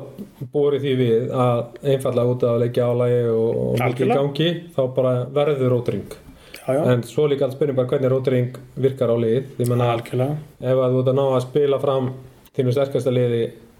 sem oftast þá er kannski líklega að þú náir árangri algjörlega versus að vera endalist kannski að svissa út mannu í, í Já, í- já. þangað. en það er betra að spila á liði sem hún vilt nota mm. að því hún vilt nota það frekar en að því þú þarft að nota það sko já, já, þannig að þú veist ef hann er með 15-16 góða og er bara með 11 alltaf bestu sem hann er búin að velja sér þá er þetta frábært lúksusvandamál skilur Já, já. Mm. frekar en að þú ert bara með 12 mann hópa og verður að nota þess að 11 eins og kannski, ég veit ekki, einhver fannst vera inn í fyrra í okkur, mm. vantar kannski ykkur að breyt og Mm. ekki ykkur trú á okkur leiknum og bekknum, ungi strákar og svona mm. veist, þetta er ekki vandamáli þarna þetta er bara, Nei, Minn er Eh, reyndar á að líka að þegar við vorum á EM í Fraklandi að við spilum alltaf saman byrjunlegin í öllum. sem er reyndar ótrúlegt og menn tala um að það sé eitthvað einstæmi held ég á stórmúti að Já, já, Þú já, það veist, er svakal, já, virkaði, virkaði og hérna, vissulega bensinlaus í síðustu leiknum á móti frábærlega, en, en ég held við hefum ekki komið svo langt að við hefum ekki notað svona nei, samkvæmlega, nei, nei. ég held að menn með ekki glemma því heldur Nei, þannig ég, ég er alveg samanlega því og mér ég svo Óli reyna að finna ykkur að festu og, og hérna,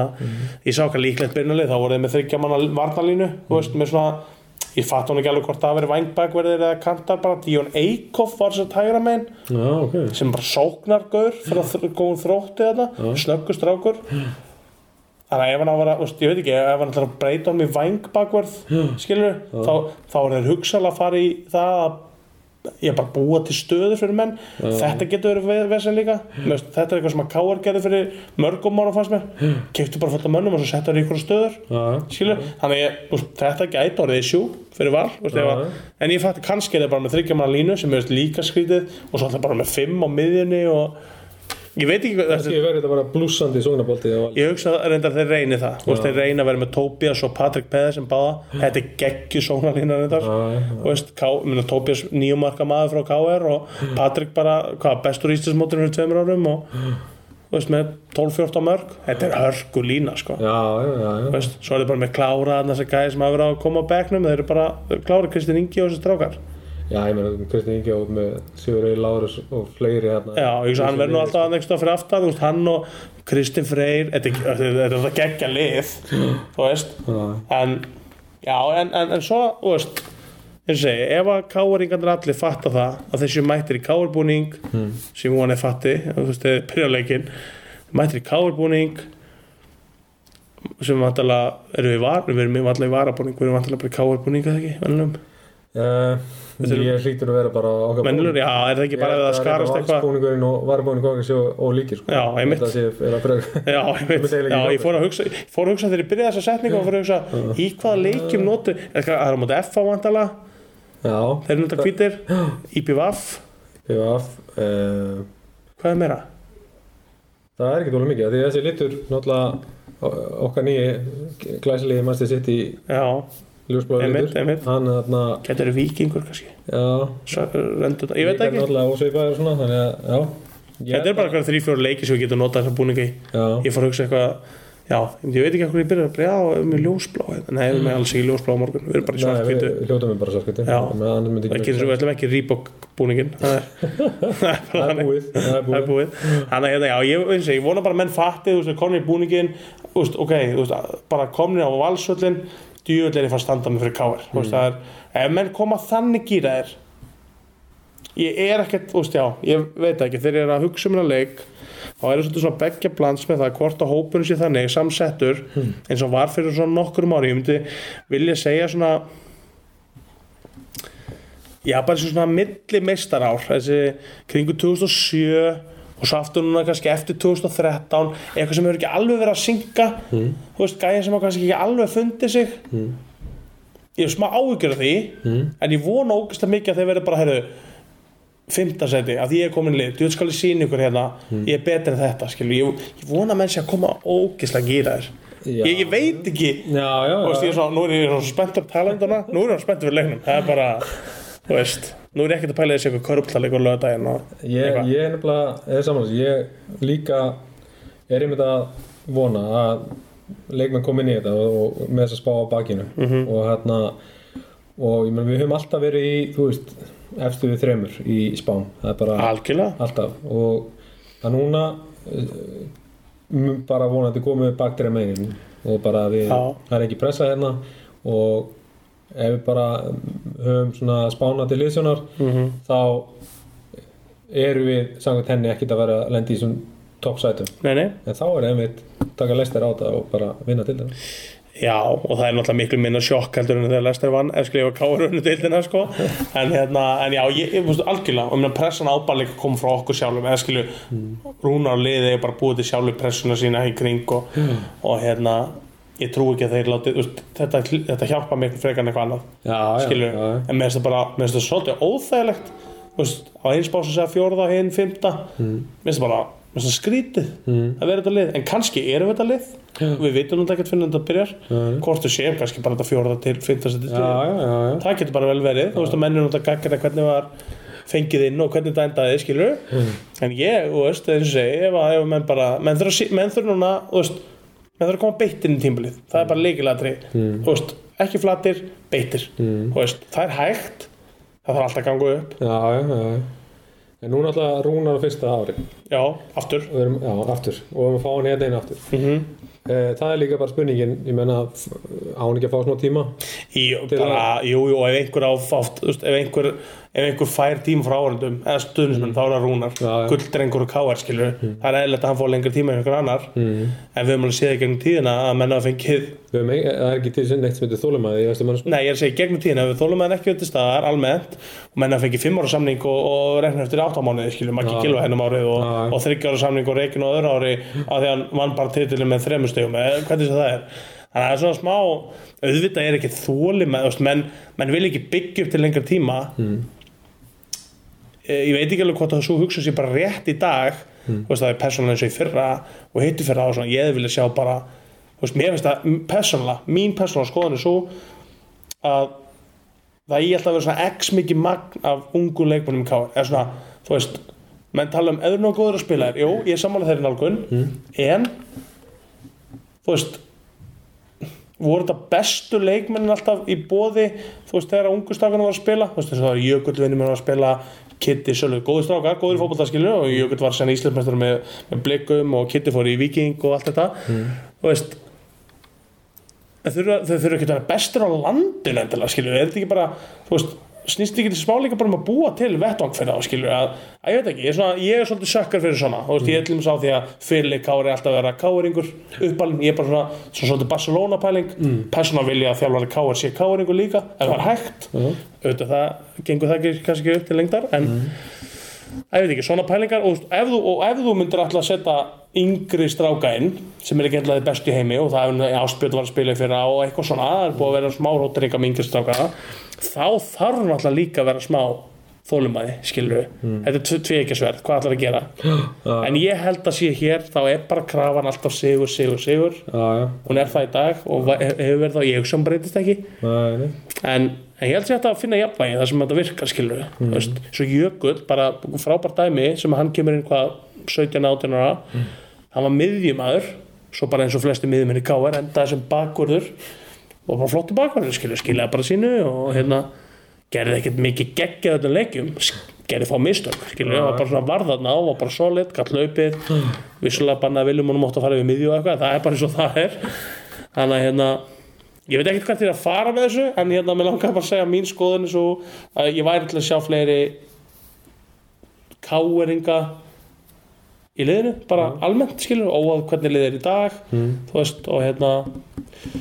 en í nútíma fótbolta eru þetta fáar að spá í því almennt bara hver, hver er, úst, bara þeir sem er liðinu eru bara káeringar eða valsmenn eða blikar eða skilur þú veist í blikaliðinu, valsliðinu, káliðinu þeir sem eru bara í liðinu eru bara í því á þeirri stundu já, já, já, já. En Þannig að- auðvitað er svolítið nota til í þessu varandi yngri leikmenn að, að ef við erum að e, framlega nægilega góða leikmenn já, að þeir fái séns já, og það kom nú upp umræði bara á síðust tíðanbili við vorum með kannski til dælu öfluga stráka að hérna gumdandra og, og þá já að það var kannski verið að leifa aðkjöftum leifunum minna en gæsalapa Einmitt. að þarna uh, spila að því að þeir jafnvel voru dýrari en þeir Já, sem voru bandir einmitt, einmitt þannig að þetta er náttúrulega líka bara höfverku fyrir þjálfum Já, svo algjörlega sem ekki sem við leysum hér Nei, nei, nei, nei, Þessi podcast bara er- svona smá pæling út í kosmosin Já, algjörlega, en, en auðvitað er það þannig að, að um, og ég tala ekki um sko að, að þegar liðið skila upp góðum leikmönum sem kannski Já, já. ná þá bara lengra og lengra uh, en við vitum að þessi leikmön þurfa að fá sens líka Já, og þeir þurfa að fá að gera mistök og það þarf ekki að fyrirgefa það uh, stundum við þólum að því miður ekki verið okkar sterkasta vopn nei, nei, að þarna ef að ef ekki bara farið að alltaf staði í blúsandi þarna sigugöngu hjá Já. okkur þá hefur verið svolítið stundum fljóttir í skelin aftur algjörlega þannig ég held að þetta snúi svolítið líka um aðeins að, að þarna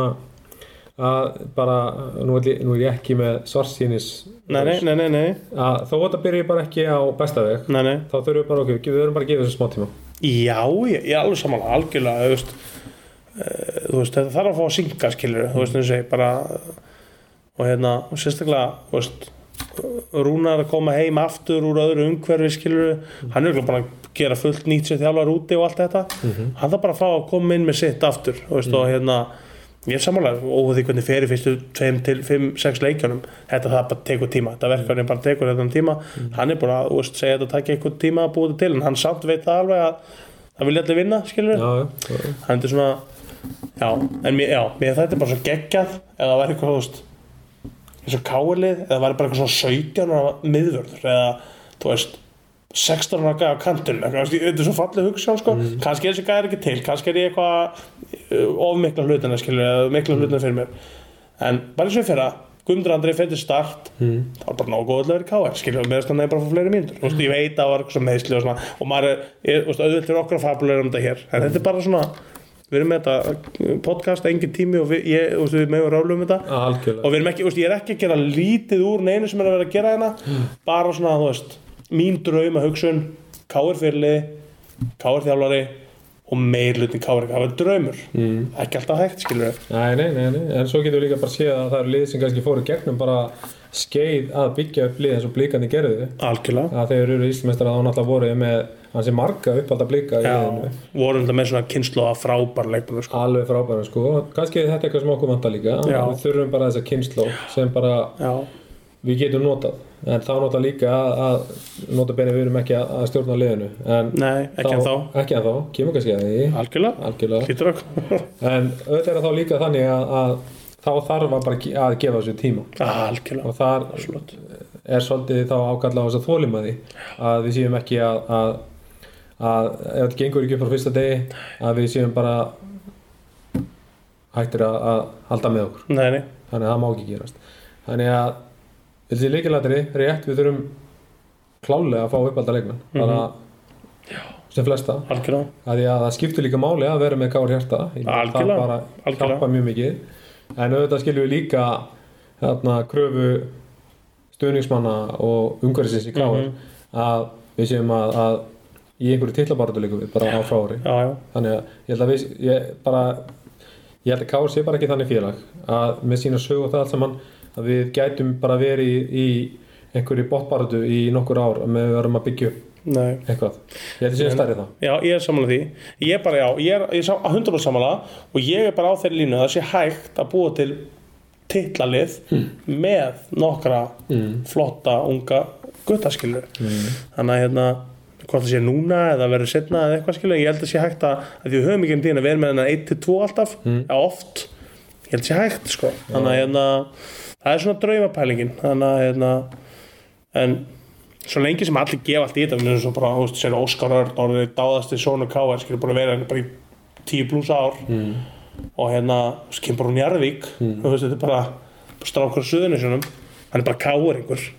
Já, skilur mig, hann er ekkert annað en K.R.ingur í dag Nei. það er því ég lít, ekki- ég lít bara á hans að hann K.R. er bara káringur þú veist, þannig að hérna þú veist, auðvitað þarf Adam Watson að vera hann kannski allan að nokkra mánu að hann kalla hann hreinrætt að K.R.ing en, en, en, en um meðan hann er búin inn, hann er bara K.R.ingur Já, já. þannig að hérna menn David Vinny, síðan tíma Já, hann var bara káringur ég meina dó fyrir klúbin sko, hann bara, þú veist, all in, mest all in gæði sem ég sé bara strax, einhvern veginn, strax fan favorite bara og já, já, stiflaði sér bara beint inn og... beint, sko þannig að svona típur líka, sko, ef maður finnur bara já, og ef maður sér eldmóðin, Hmm. fattar, þú veist, þetta er svona já, þú veist ég er ekki að segja að ég gætlar að gefa sitt allt í þetta en eitthvað ekstra skiljum, og sér þú fer auka típur, auka tæklingu þú veist, leggum meira að öll að fá sendingu inn fyrir á félagin eitthvað svona, þú veist, passjón út af velli þú veist, það er búið að brjóta á félaginu þú, þú, þú bakkar hann upp, eitthvað þú veist, fá stúkuna með þér, eitthvað svona aðeins ekstra, þá er maður bara góður sko, þú veist þannig að hérna, leikur á morgun já hvað erum við, ætlum við að vera bjartir e, sko, ég held að þetta verði markalegur þú ætla að þangað Ég ætla 100% Ég va- Já, já, þetta er hérna auðvitað sko, Mm. þetta getur, þetta er döð þetta er 0-0, 1-0 dæmi eitthvað Ég held samt að menn fari svolítið svona Ég hugsa að valsarinn ætla að vera svolítið ofnir Ég hugsa að þeir fari bara, heyrðu Við ætlum svolítið að keira á þetta Ég vona það og, hérna, og að þegar þeir gera það þá opnast eitthvað fyrir aftan skilur Sérstaklega erum við þryggja, þrjá miðverði þá ætti að vera eitthvað laustan á köntunum fyrir aftan um, Ég vil segja að þetta verði sko Já, allt að fimm markanleikur ok, Ég segi, ég segi eiginlega sko það er mjög langt síðan svo mörg mörg voru skoraði í leikjum þessar lega Já, ég ætla bara að spá því hér nú að leikur fari 2-2 eða 3-2 F- Þú veist, það fyrir jættefli eða ann, ég veit ekki hvort liðið vinnur Hmm. Ég segi 2-2 eða 3-2 fyrir öðru hvort liðinu ég vona það líka Það verður vítaspilnum dómar og rauðspjöld Ekki sama dómum endilega, en það verður, já, og heyrðu það fyrst hér ég, hérna, ég vona það líka ég örlítið samt ágjur að bæði liðin nú veit ég, hef ég ekkert fyrir mér í þessu. Nei, ekki heldur ég bara svona, þú veist að fari inn í hennar leik svolítið varfarnislega Já, ég hef ágjörða líka til að bara að þetta er þessu lið Já, að ég held að Vil báði ekki þjálfarnir tapa. væri sáttu með uppi stíð já, í þessu leik sérstaklega held ég káir eða svona útöðli, Já, held ég, ég held en ég- líka samt Líka ólíka Óli, ég held að Hann vill alls ekki byrja tapa kannski, heima, já. hann vill ekki byrja að tapa heima hann vill ekki fá einhverju krísilið eftir fyrsta leik Þetta er, þetta er líklega hárétt eftir þér sko Ég er meiri svona Ég draumur hef og kraft sko ekkert fyrir mér í þessu Nei, en ég, ég, ég, þetta er samt, þetta er samt uh, líklegra, þetta er mjög líklegra og veist, ég hallast að því sem þú segir en ég vona já, ég er svona að sjá fyrir mig í mínum viltustu draumum sé ég 2-2, skástrík 3-2 og allt í upplaust að ég hitti svo leiðilegt bara og sérstaklega ef ég er að fara að lýsa honum þá nenni ég ekki að lýsa 0-0, 1-0-1 ég nenni ég bara ekki og svo lýsi ég bara ekki fleiri leikum skilur. Nei, nei, nei, nei. þannig að stokkar, ef þið vilja hafa, hafa með fleiri leikum kannski vil ég ekki hafa með fleiri leikum að lýsa þá hérna Þetta bara er eitt af það sem okkur skilabóti þín þetta fyrir Ef, já, þetta er bara, ég tek þetta mjög persónulega Ef að leikur með 0-0, 1-0 eða 1-1 þá bara, þá er það beint gegn mér Já, þetta- já, ok. Það er ekki, ekki þannig að þjálfarandi sé eitthvað en að ekki tapa leiknum Ég, já, ég hérna, eins og ég, ég öllítið rætt um hitt á þess að vita nokkuð um það Mhm. Já, Fyrsti leikur getur smá vorbráður á þessu já, Uh, einu samt, þú veist, já, já, vorbráður En það samt, að því að grasið er svo gott skilu þá getur það alveg leikur Það er það sem hjálpa mér í því að það getur orðið svona að þið eru búin að vera að spila svona fótballt í alla vetur á svona grasi skilu Já, já, já, já. Hjálpa mér aðeins, en ok, kannski bara bull Þjálfarnar Eh, er búin að tala um það líka að langt á milli það leikja undirbúinustímbilinu Já, ég veit, ég veit, 6 vikur eitthvað bla, já, kannski svona verið mikið með einhverja svona friendly sko þannig að ég veit kannski hafa liðin ekki verið að spila leikja sem þeir þurfa að gefa allt í hlut Nei, nei, algjörlega og svo allt henni kemur svona leikur sko. Já, já. ef verður eins og okkur er graðhesta bara á fullu sko. Já, ég ætla að vona það já, þá, ég, ég steldi við þetta sem ég sagðan fjögur fyrir mörg, þetta heitir bara bull Þetta er bara bull já, Já. Ég ætla bara að draða tilbaka því að að þeir hljóta bara að koma alltaf skora já fjandinn hafið það var Þetta verður líka að vera bara frábær ulsing fyrir fótboltan að já, Ha. já þú veist, pæltu hvað er vond það það er búið mikið fjallum en leik första skvöld leikur fór 0-0, þetta er ömurlegt bara, ömurleg tíðindi það er bara fótboltan í Íslandi er dáinn, við ætlum ekki á HM þetta er bara komið gott þannig að þetta er vondaugl sem við fótboltan eða verður ekki skorðað þannig að markalegur markaleikur á morgun og uh, við ætlum að hveita alla káringa til að mæta á leikinn Mhm. mæta í bara svarkutu og í búningum Kjöklarlega. jafnvel þá þú eru ekki að syngja en við viljum að þið syngið á trallið já, allavega vera mert félaginu já, það er bara margt með félagunum mætið í allt sumar við erum bara að minna ykkur á þetta oftar í, í, í, núna, það er með þess að vor bara núna en mæti, mæti og stiðilið með alveg saman hvort sem í 12. seti eða 1. seti og veist, gerum þetta að einhverju þú veist, gerum þetta að einhverju sumri skilur bara algjörlega óháð því hvað gerist Þú veist, það eru ömulegt ef að eh, segjum að gangi illa fyrstu 7-8 umferðarnar og bara í 12 umferð þá er bara 400 manns á vellinum Gle, þú veist, gleymið því gleymið þeirri hugmynd bara mæti þú veist, bara með alveg saman hvort þið fílið pítsuna eða matavagna sem verða hérna mætið á vellinar ha, það er bara dragðu félagið með þér svo hei, kíkjum á vellin fyrir sér hann í Erdluís í skeifinu eða eitthvað skilur bara hvernig svo það var þetta farðu á huppu eða farðu á Vesturbaris gera eitthvað úr kvöldi, farði og kíkja út og gróttu við þetta og takja ringin og eitthvað Ah, Ha, Ég er samanlega, við munum líka eftir þennan leik náttúrulega koma með nýtt podcast sem munum fara yfir kannski leikinn og fleira Já. og nýjungar sem verða hérna á káralli það verður uh, bætt í aðstöðu já, já, Og matavagnar og eitthvað svona já, matavagna, meiri mat, uh, meiri fjölskyldustemming koma að gera svona make a day out of it já, uh, ef maður hefur verið að leiki í ennsku deildinni þá er maður ekki að mæta á leikin klukkan 8 eða klukkan 8, Nei. þá ertu bara mættur hann að fjórum, 50 fyrir leik já þannig að við viljum búið til þannig stemmingu líka henni káur og hérna sem verður líkilatri að við munum fjalla mun meir um það uh, síðar mhm. en það var þetta nú bara svona til að starta þessu sumri aðeins bara algjörlega og þarna fara aðeins yfir þetta Mhm. og, og við bara verum að treysta að við fáum bara skemmtilega leikamorgun markalegur, allir að völdu klukkan 8 fyrstaskvöld og á lögataskvöld í körfunni Já, þetta er bara tveir- tveir- tveir- tvö kvöld sem er bara káarkvöld káarkvöld greiðlega mikilvæði báðir, mögulega byggar í öðru leikum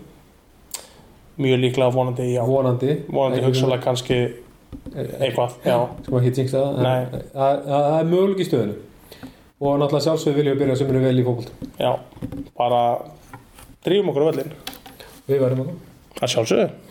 og við þarna bara ekki sem þjálfarar en, en stundismenn eins og er eftir þetta hljótu við já, að fá- ég fá mörgulega kallið frá rúnar um innsýn eða eitthvað svona hvernig við sjáum þetta fyrir okkur herru, við bara áfram gáðir og hérna og sjáumst á vellinum Allir á Bara vellinn. um, um helgina, alla helgina briljant, 8 á föstudag Valur Káar, 8 á lögadag Káar Tindastól, málum dött áfram gáðir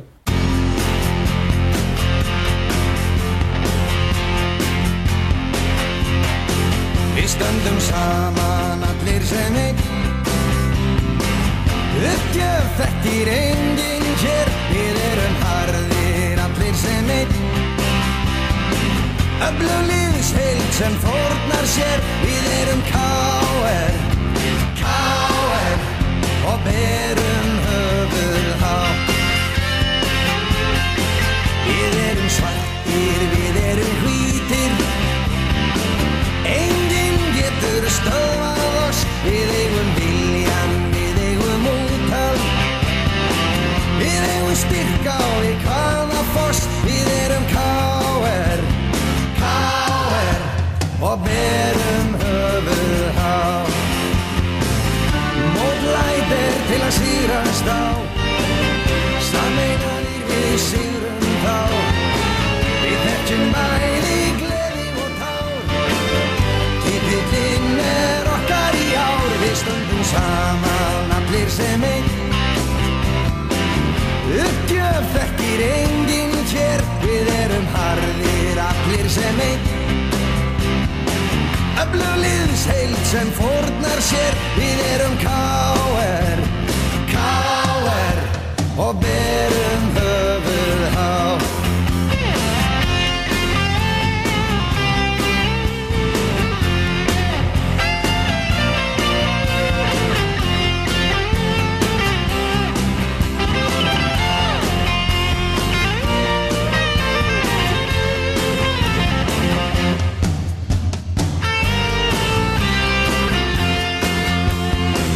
Mótlæt er til að sigrast á